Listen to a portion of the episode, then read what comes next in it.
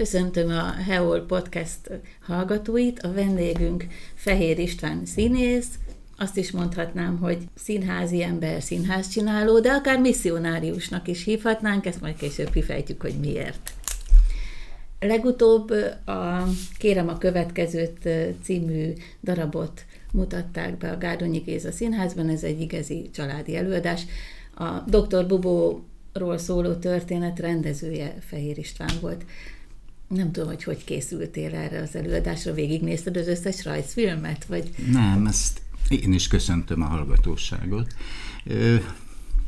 Nem, ezzel szerencsére nem terheltem agyon magam, ezt néhány dolgot megnéztem természetesen az interneten, és ezt Szőke Andrea tette meg helyettünk, és az ő koncepciója és elképzelése nyomán, most én utána néztem, hogy idejöttem, tehát március 5-én kaptam az első változatot, és aztán átbeszélgettük Barát Zolcsival és Szőke Andival, és aztán március 15-én kaptam meg a végleges változatot, és ezután villám gyorsan meg is csináltuk az én kedves kollégáimmal, amiért végtelenül hálás vagyok nekik, mert igen nagy munkabírásról tettek tanúbizonyságot, és villámgyorsan, tehát körülbelül fele annyi idő alatt készítettük el, mint egy szokásos színházi előadást.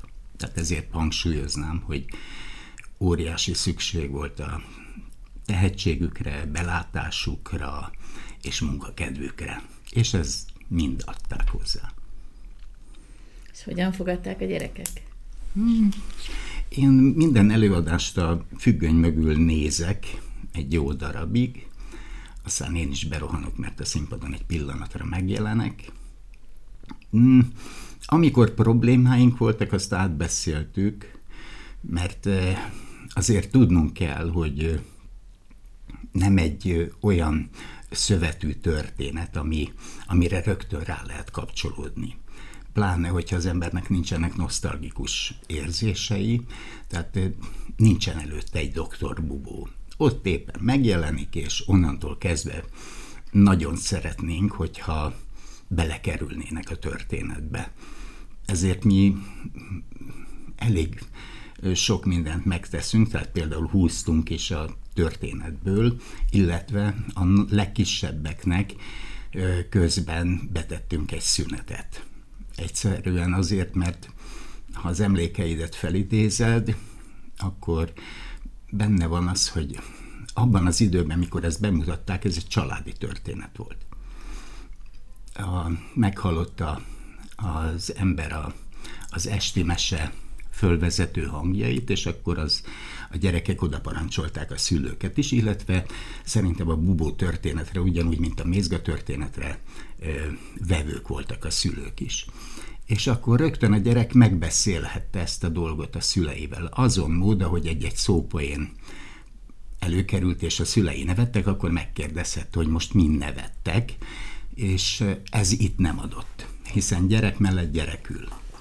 És mi próbáltunk erre reagálni, és ezt a szünetet is azért tettük be, hogy hogy egy feloldó beszélgetésük lehessen, megvitathassák azt, hogy ki mit értett, és ezáltal ö, közelebb kerülhessenek már a darab záró szakaszához. Igen, Tehát, ezek a nyelvi poénok, amik ilyen dupla fenekűek, hogy így van. a gyereknek is aranyos, de a szülő meg különösen érti, hogy mire. A szülő, ugye, tehát ő neki van már egy egy információja a történetről gyerekkorából.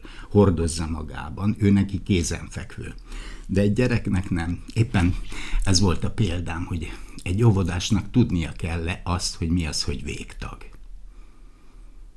Mert azt tudja, hogy van keze meg lába.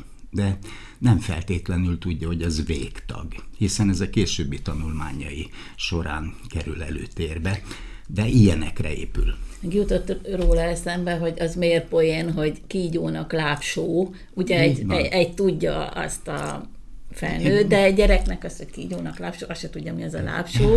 Persze, persze tehát, fog. hogy ezek tehát, ilyen, tehát ezt igen. mi tudjuk, és mi ennek ellenére, tehát, tehát hogy mondjam, hogy ez is a Zolcsiéknak, a, tehát a Babszemiankó gyermekszínháznak a nagy ötlete volt, hogy Szőke Andi az, a, aki összefűzte ezeket a történeteket, ő írt egy mesét ebből a történetből, amit mi elküldtünk az óvodáknak és a kisiskoláknak, hogy a tanárok egy tulajdonképpen egy drámapedagógiai foglalkozást csinálnak azáltal, hogy ezt megosztják a gyerekekkel.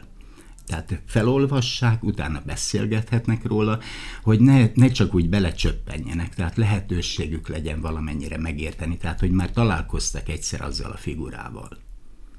Na, mi ezt, ezt próbáltuk még megtenni. Vagyis hát akkor megint eszembe jutott, hogy beszél majd az utókor dr. Bubóról, ez bekövetkezett.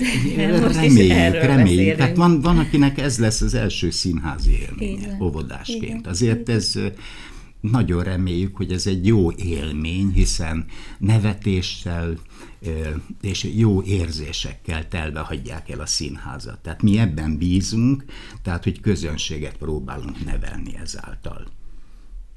Így van, erre majd visszatérünk, igen, hogy te igen.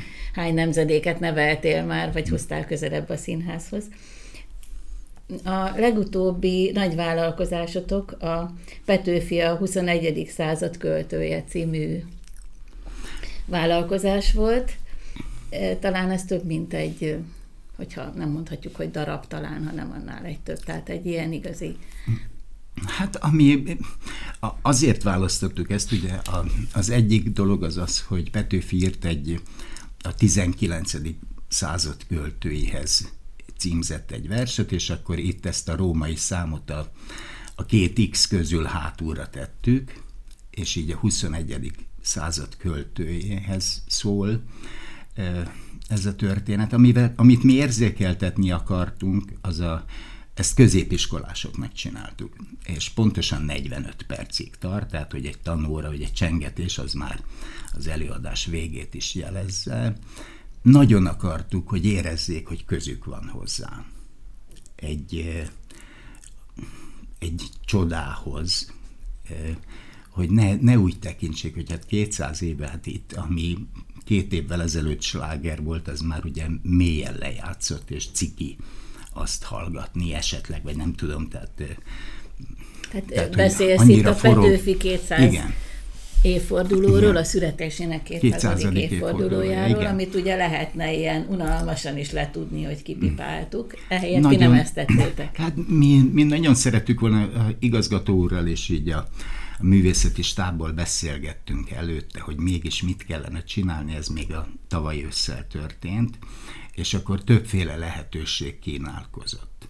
És volt egy vonal, én azt képviseltem, hogy diákokkal csináljunk történeteket, miután tudtuk, hogy bezárják a színházat, erre a, a, az óriási rezsim miatt, és Gondoltuk, hogy középiskolásokkal lehetne ember tragédiáját, hiszen Madács 200 is van, és Pető, Petőfivel pedig az általános iskolásokkal foglalkozunk. Aztán végül is megoldhatatlannak tűnő feladathegynek látszott ez, és úgy maradtunk, hogy akkor bűvös virág Madács, és tehát, hogy a színház csináljon valamit, amit kiviszünk a bűvös virág ugye itt a színházi, Gádonyi Géza színház bemutatójára Igen, célzol. igen, igen, igen. Tehát Madács kapcsán azt csináltuk 200-as évfordulóra, illetve Petőfi kapcsán pedig a 21. század költőjét. Ezt gyorsan megbeszéltük a kollégáimmal. Ez is egy villám villám gyorsan elkészülő történet volt. Itt is nagyszerű csapat volt, és itt talán Nagy Barbara nevét emelném még ki, aki zeneileg kapta össze ezt, a, ezt az egészet, hiszen azért egy szálgitárral be lehet állítani egy iskolába, és egy kalimba nevezetű hangszerrel, illetve a közreműködő színészeknek az ének hangjával. Tehát majdnem csak a Vox Humana szólt. Tehát amivel azt akartuk elérni, hogy ezt akár ti is csinálhatnátok. Ezt többször ott el is mondtuk, hogy szívesen vennénk, ha ők is csinálnának. Vagy verset írnának, vagy versműsort csinálnának. Tehát nagyon reméljük, hogy, hogy ez a munkánk, ez esetleg ikletően hatott sok fiatalra. Mi nagyon élveztük, ezt feltétlenül el kell mondjam, mert hiszen ilyen, ahogy mi most vagyunk, tehát ilyen távolságra volt a néző, ott nem lehet hazudni, de ezt csak verseken keresztül tehettük meg. Tehát, és a Petőfi verseknek van egy óriási előnye, hogy Petőfi Sándor beszéd, tehát beszélt nyelven írt. Tehát nincsen, nincsen távolság, tehát annyira közvetlenül lehet megszólalni benne, mint egy barátunkhoz beszélnénk. Teljesen köznapi nyelven benne van vidámság, szomorúság, kiváló szókészlettel, tehát mindegy, az a lényeg, hogy mint hozzátartozó, hogy hozzátartozónak tekinthették. Nagyon remélem. Petőfit. Máskor is közel kerültél a diákokhoz, hát eleve a számos ilyen amatőr színpadot szerveztél, vezettél, illetve a fogyatékkal élők körében is megéreztetted a színháznak a varázsát. Erről hallhatnánk-e valamit? Sok-sok éve, tehát amit nem vagyok egy ilyen kapkodó ember, tehát a, itt a színházat is azt körülbelül 40 évet csinálom, a a sérültekkel a Magyar Speciális Művészeti Műhely Egyesület keretein belül foglalkozom.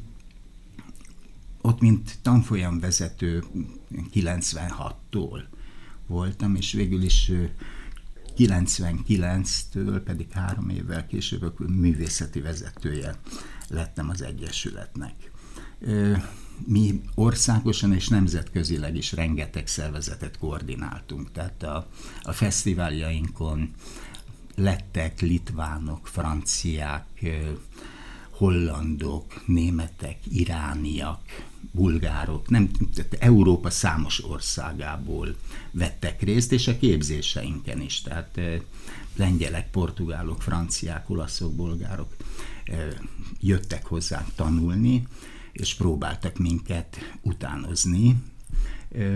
Nem nagyon sikerült. Mi a titkotok? Az, hogy sokan dolgoznak ingyen. Tehát két dolog mellett köteleztem el magam nagyon, az a színház és a szociális munka. És ez a, a szociális munkások is olyan nagyszerű emberek, akik hajlandóak úgy dolgozni, amiért nem fizetik meg különösebben őket.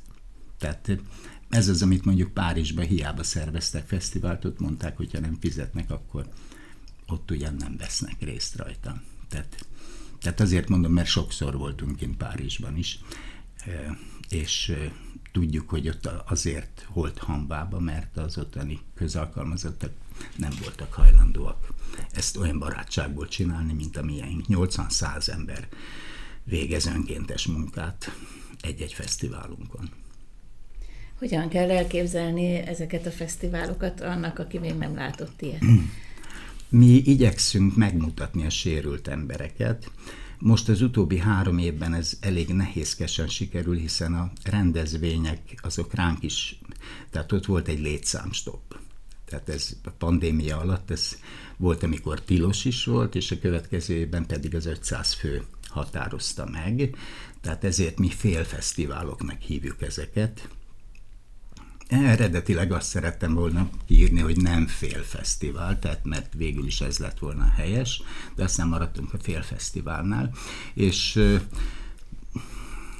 ez, amikor sikeres éveink voltak, akkor ez egy 1500-2000 fő vett részt rajta, és ezt megyei jogú városok színház termeiben. Tehát Pécsen a Nemzeti Színházban, Debrecenben a Kölcsei Központban, Veszprém Petőfi Színház, Székesfehér, Vörös Marti, tehát azért mondom, hogy szinte az összes megye székhelyet, hiszen ez 95 óta, 87-ben alakult az Egyesület, mint a Gárdonyi Géza Színház is, és csak az elején még úgy lassan indultak be, és utána már országos és nemzetközi fesztiválokat rendeztek, illetve ezeket képezzük még az ott dolgozó szakembereket minden évben Egerben. Nyilván nehéz elmondani egy ilyen eseménynek a hangulatát, ahogy én emlékszem rá, azért az egy, egy, egy szívdobogtató élménye, hogy a fogyatékkal élő, sokszor elszigetelt embereket így kinyitja egy-egy előadás, nem? Tehát a, a varázsuk, a személyiségüknek a rejtett értékei így, így megmutatkoznak. Hát azért sok évtized munkája alapján mondom, hogy a társadalomnak, tehát most különösen azért, mert ez közbeesett, tehát ez azért mondtam, hogy ez 87-ben alakult. Ugyanúgy vonatkozott rájuk is a rendszerváltás, és az azt követő különböző megéltségei az embereknek. Tehát, hogy ilyen válság, olyan válság, ilyen kormány, olyan kormány jöttek, mentek az emberek, és bokros csomag, ez csak azért jut eszembe, mert akkor született az első gyermekem, és azért eléggé mélyen megrendített ez engem. És, hát ugye három felnőtt. Három, három felnőtt fiam van, igen. És hogy mondjam, igyekeztünk ezt a dolgot úgy magunk mögött tudni, tehát nem, nem nagyon törődtünk vele, de kénytelenek vagyunk, mert ma már annyira nehézkes minden, nem, nem ömlik a pénz a szociális szférába sem. Tehát, de ügyesek vagyunk. Nagyszerű az elnökünk, és amennyire Asztalos Zsoltnak hívják egyébként, és próbáljuk valamennyire terjeszteni magunkat. Mi, amikor egy-egy fesztivál helyszínen vagyunk, ezért mindig egy, van egy szabadtéri színpadunk is. És igyekszünk közölni az emberekkel azt, hogy, hogy itt vagyunk, jelen vagyunk, tehát ne az csak az legyen, hogy csoportosan láthatóan sérült emberek közlekednek egy városban, nagy számban, hanem hogy ők mit tesznek. Mindenféleképpen, mert az épületben magában nagyon ritkán jönnek be. Általában olyanok jönnek be, akik érintettek Család valamilyen szinten. Igen. igen. De, de mi szeretnénk, ha mások is megnéznék, mert csak kaphatnak. Én zseniális előadásokat láttam, tényleg nem azért, mert ilyen vállonveregetős akarok lenni ez ügyben. Próbáljuk ezt valamennyire dokumentálni is, hiszen a Magyar Speciális Művészeti Műhely mellett egy, egy speciális filmes tagozat is van, ami hát egy önálló egyesület, de, de az a mi egyesületünkből nőtt ki, azt Fábián Gábor vezeti, és csak csöndesen mondom, hogy a filmfesztiváljainkra olyan 70-80 ország szokott nevezni és ez ősszel lesz, itt is most is fölhívnám a figyelmet, hogyha valaki a MSMKE honlapját meglátogatja, akkor láthatja, hogy ö, milyen ö, fesztiváli produkciók vannak. Most ezt megpróbálom majd Egerbe is elhozni, hogy valamennyire képet kapjanak az emberek, hiszen tavaly itt láttam dokumentumfilmes fesztiváli elemeket, vagy három filmet bemutattak, és akkor mondtam, hogy e, talán Egerbe is megmutathatnánk sérült alkotókat. Tehát én, én láttam iráni, pakisztáni, palesztin, zsidó, perui, amerikai Egyesült Államok, a UNICEF küldött filmet a fesztiválra. Tehát, tehát, tehát most azért mondom, hogy ténylegesen sokan neveznek, és ennek megvan az a sajátossága, hogy ha már előtte beszélgettünk, hogy filter, hogy itt filter nélkül kapjuk az országokat. Ez nem egy turista film, nem egy nagyszerű fényekkel bemutatott dolog, hanem a mindennapi valóságot kaphatjunk meg. Még akkor is, ha egy sérült ember szemén keresztül, vagy, vagy esetleg ő van a fókuszban, de láthatjuk a, a közlekedést az utcán, a boltokat, egy családnak a belső viszonyait, ami számomra döbbenetes volt. Tehát én, az egyik kedvencem egy török film volt, ahol egy másfél órás dokumentumfilm volt arról, hogy egy siket ikerpár, férfi ikerpár hogyan éli a mindennapi életét Törökország egy eldugott kis falujában, és és ott nem voltak ők sérültek. ugyanúgy kötötték az üzletet, ugyanúgy örültek a családjukkal. Nem, tehát a, a, az az életforma, az befogadta őket. Tehát van, van olyan közeg, amiben ez teljesen természetes, hogy te másképpen kommunikálsz. Hát erre céloztam Igen. én az elején, hogy bizonyos fokig ez a színészet lehet misszionárius tevékenység, és úgy látszik, hogy neked ez sikerült, és hát remélem, hogy Egerben is viszont fogjuk látni ezeket a filmeket, és minél több ilyen előadást. Hát még akkor visszatérek egy bubó erejéig. Tehát a bubó történet is, ha valaki megnézi, végső soron erről szól, hogy van egy közösség. Ez az erdő. És az erdő széle, hiszen tyúkanyó és a szamár, azok nem feltétlenül az erdőlakók, de ott vannak. És hogy ezt kettő állat felügyeli. Az egyik a doktor, a másik a csőrmester. És nagyon elfogadóak egymással szemben. Tehát a különböző, vannak, vannak dolgok, amik nem nagyon bocsájtanak meg, de, de végső soron megbocsájtodik, és mindenki a közösség része. Tehát ez nincsen benne úgy az előadásban, ez nem egy, nem egy ilyen földcímkézett mondat, de, de végső soron a, a meséknek, a, a, az állattörténeteknek a befogadó erejéről szól. Ennyi még. Köszönöm szépen a beszélgetést.